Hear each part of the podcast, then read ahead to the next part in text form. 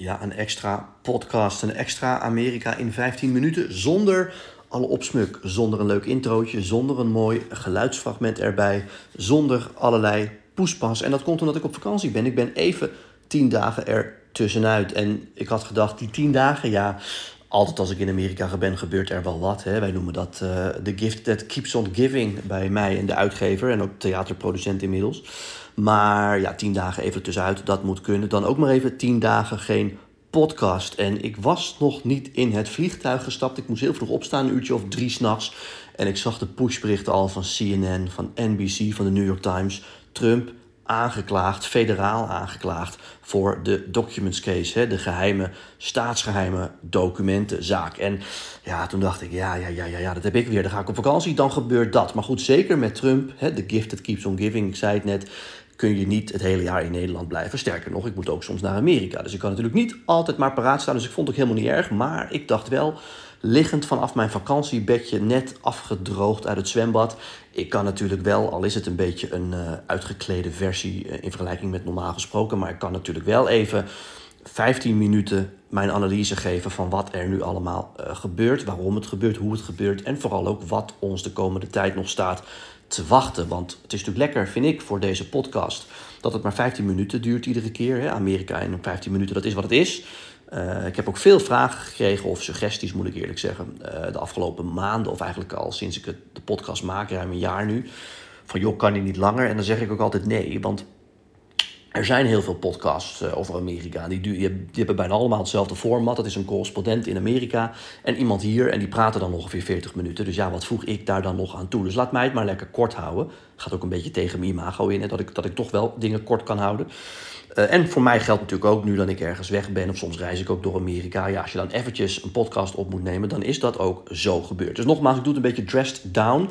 Maar het is wel heel belangrijk, want wat er nu natuurlijk gebeurt. Ik heb vaker een podcast opgenomen die heette Trump achter de tralies. Ik geloof dat dit het derde deel daarvan is. Is natuurlijk wel heel uh, belangrijk. Uh, vooral ook omdat heel veel legal experts, uh, waaronder nog zijn voormalige minister van Justitie William Barr, al heel lang zeggen: dit is eigenlijk de meest serieuze zaak die Trump boven het hoofd hangt.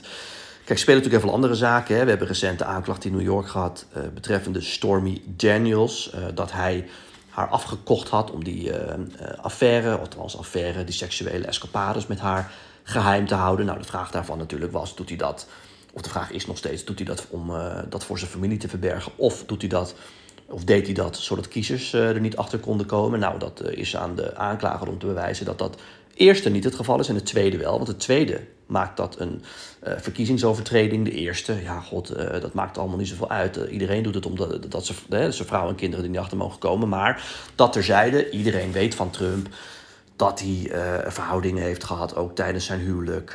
en dat hij dan met een pornoactrice allerlei dingen uitvogelt. Ja, daar zal niemand verbaasd van opkijken. Het is ook wat dat betreft een hele kleine zaak. Klein bier noemde ik het destijds bij zowel op één als Vandaag Inside. Ja, in New York speelt ook nog een hele rechtszaak wat betreft die belastingontduikingen van zijn bedrijf. Nou, dat doet Trump al 40 jaar met de Trump Organization. Dus ja, what else is nieuw zou ik bijna zeggen. Even los van het feit of daar illegale dingen zijn gebeurd. Hè. Maar ik zeg wel, what else is nieuw. Uh, ja, dan hebben we natuurlijk nog de zaak in Georgia. Die is wel... Uh, uh, serieus als het gaat om het kopen van die stemmen daar. Ook daar zou, zijn alle signalen, een aanklacht volgen ergens de komende weken, komende maanden.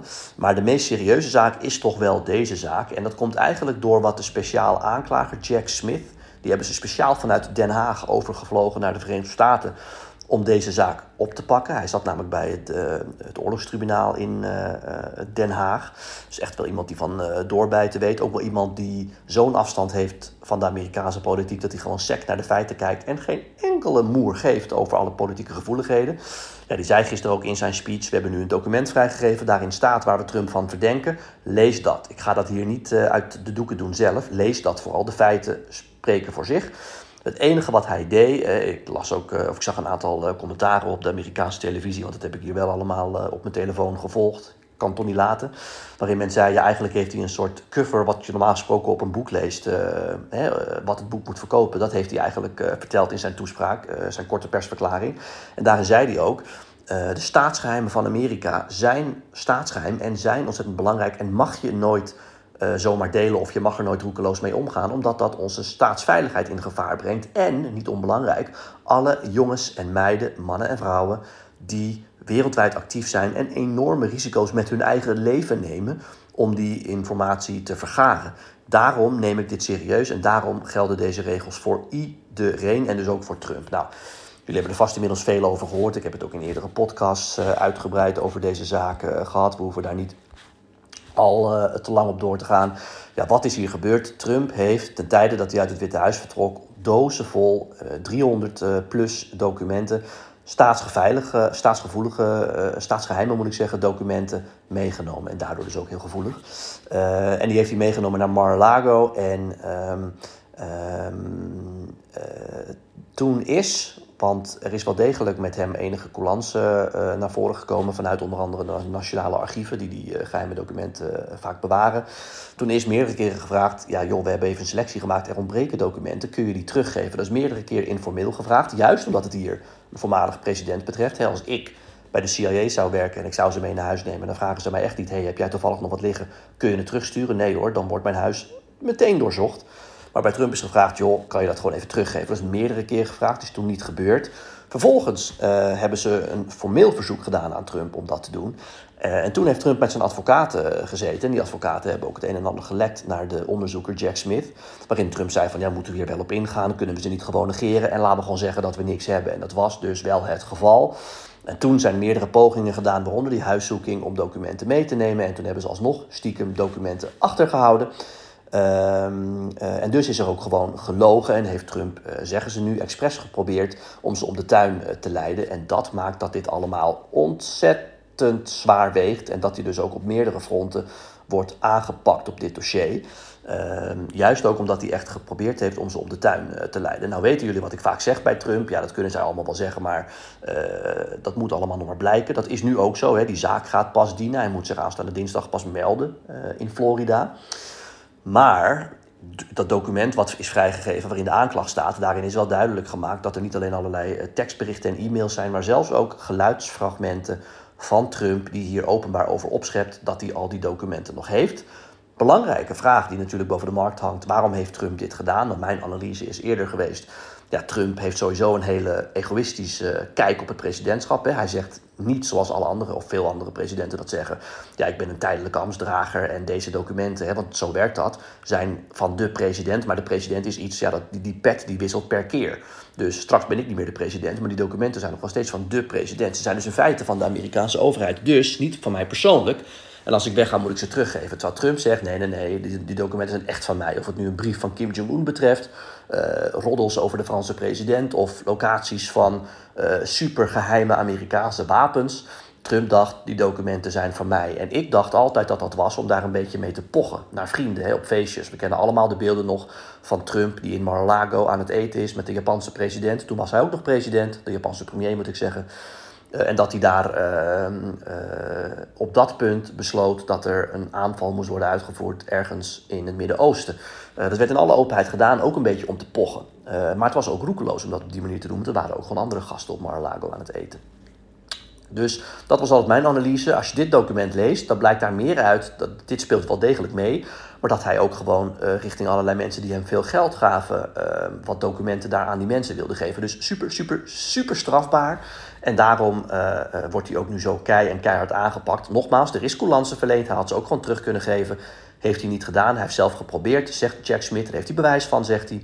Dat zal hij binnenkort allemaal aan de jury presenteren. Hij heeft zelfs geprobeerd om ze om de tuin te leiden. En dat maakt dat dit voor hem, voor de Amerikaanse overheid, allemaal zo zwaar weegt. Uh, en dat brengt me ook op een tweede punt. Uh, er zijn ook foto's vrijgegeven van die documenten in de badkamer van Mar-a-Lago. Ergens op een podium waar normaal gesproken uh, speeches worden gegeven tijdens huwelijksrecepties.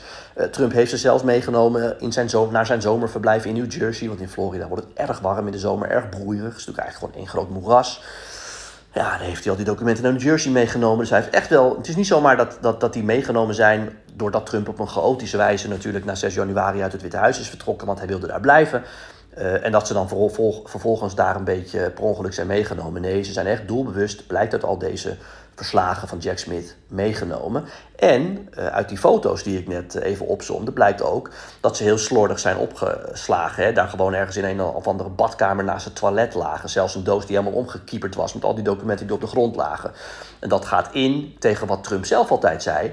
Dat ja, hij heeft ze meegenomen naar Mar-a-Lago. Hè, wat hij tijdens zijn presidentschap het Winterwitte Huis noemde. Waar hij ook nog steeds trouwens beveiliging van de Secret Service geniet. Dus hij zegt, dat is eigenlijk een onneembaar fort. Daar kan niet zomaar iedereen bij. Uh, ja, dat blijkt uh, toch, als je dit zo ziet, uh, toch een stuk slordiger te zijn dan hoe Trump dat zei. En er komt nog wat anders bij trouwens. Daar komt ook nog bij dat. Ehm, kijk, Trump heeft natuurlijk altijd gezegd wat Hillary Clinton heeft gedaan. Dat is ook een beetje de ironie van deze zaak. Trump is mede-president geworden, er zijn heel veel redenen voor, maar mede-president geworden omdat Hillary Clinton natuurlijk in de, na, in de laatste dagen van die verkiezingsstrijd in 2016 in de problemen kwam met die e-mailserver van haar, waarop zij allerlei e-mails had ontvangen uh, toen ze minister van Buitenlandse Zaken was. Ook staatsgeheime e-mails. En omdat die op een privé-server stonden, zei James Comey destijds, de directeur van de FBI, ja, kan die in theorie heel makkelijk gehackt worden. En kunnen dus wereldwijd allerlei terroristen of andere overheden, als ze dat zouden willen, erbij. Had hij geen bewijzen voor gevonden destijds, daarom had hij er ook niet aangeklaagd. Maar, zei hij, het had wel gekund. Heel veel mensen zeggen terecht, en Trump zei dat toen ook, ja, ze had eigenlijk wel aangeklaagd moeten worden. Maar de ironie is dat Trump toen daar een heel punt van maakte natuurlijk, logisch, in uh, het hoogtepunt van die verkiezingen toen.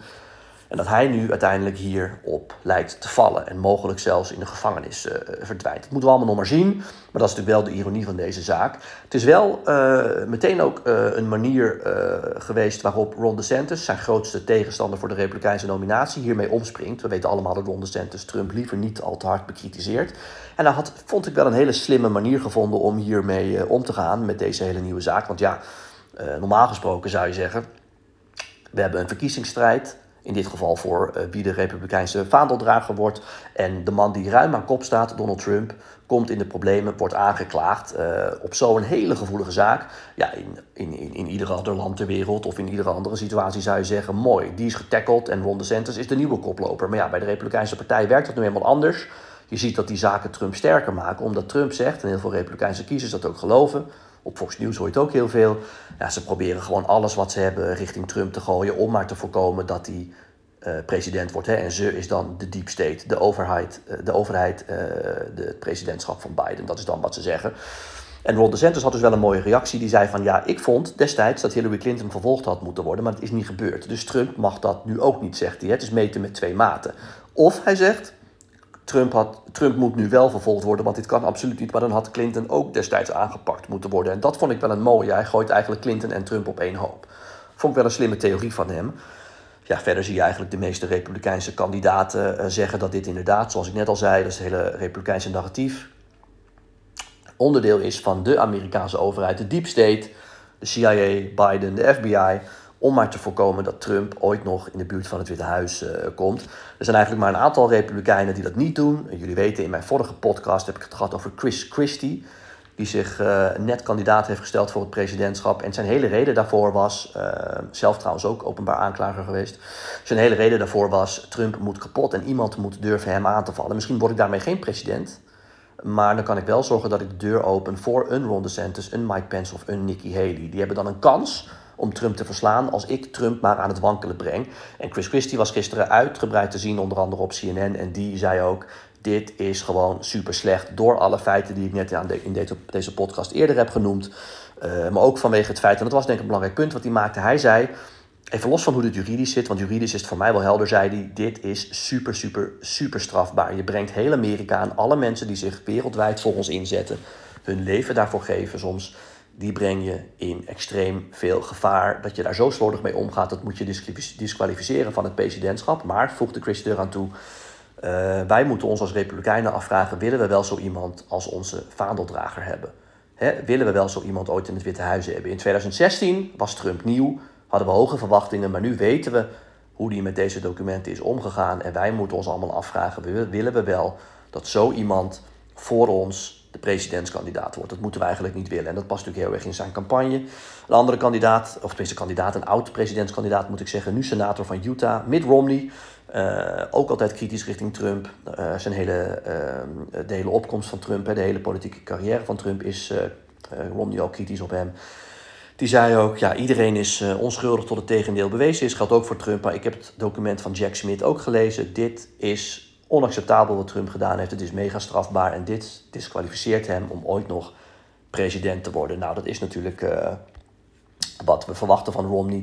Ja, dan de laatste vraag nog, hoe nu verder? Ja, we moeten even, uit, uh, moeten even afwachten hoe dit nu verder gaat. We weten twee dingen zeker. Dat heeft Jack Smith ook tijdens een persconferentie gezegd. Dat is één, hij wil enorm veel vaart hierachter zetten. Trump moet zich dinsdag al melden. En dan moet die rechtszaak hierover heel snel beginnen. En ze hopen dus uh, ook heel snel een uitspraak te hebben. In ieder geval binnen een half jaar.